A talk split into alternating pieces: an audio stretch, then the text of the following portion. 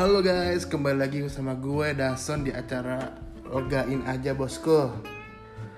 Jadi ini kenalin nama gue Dason, gue dari Malang dan gue pengen berbagi opini aja sih. Jadi intinya sih konten yang gue buat ini bener-bener biar otak gue lebih waras, biar lebih lega, biar apa sih abs keabsen gue tuh bisa tersarukan gitu loh bener-bener gue pengen ngejelasin apa di otak gue itu beneran nggak sih gitu.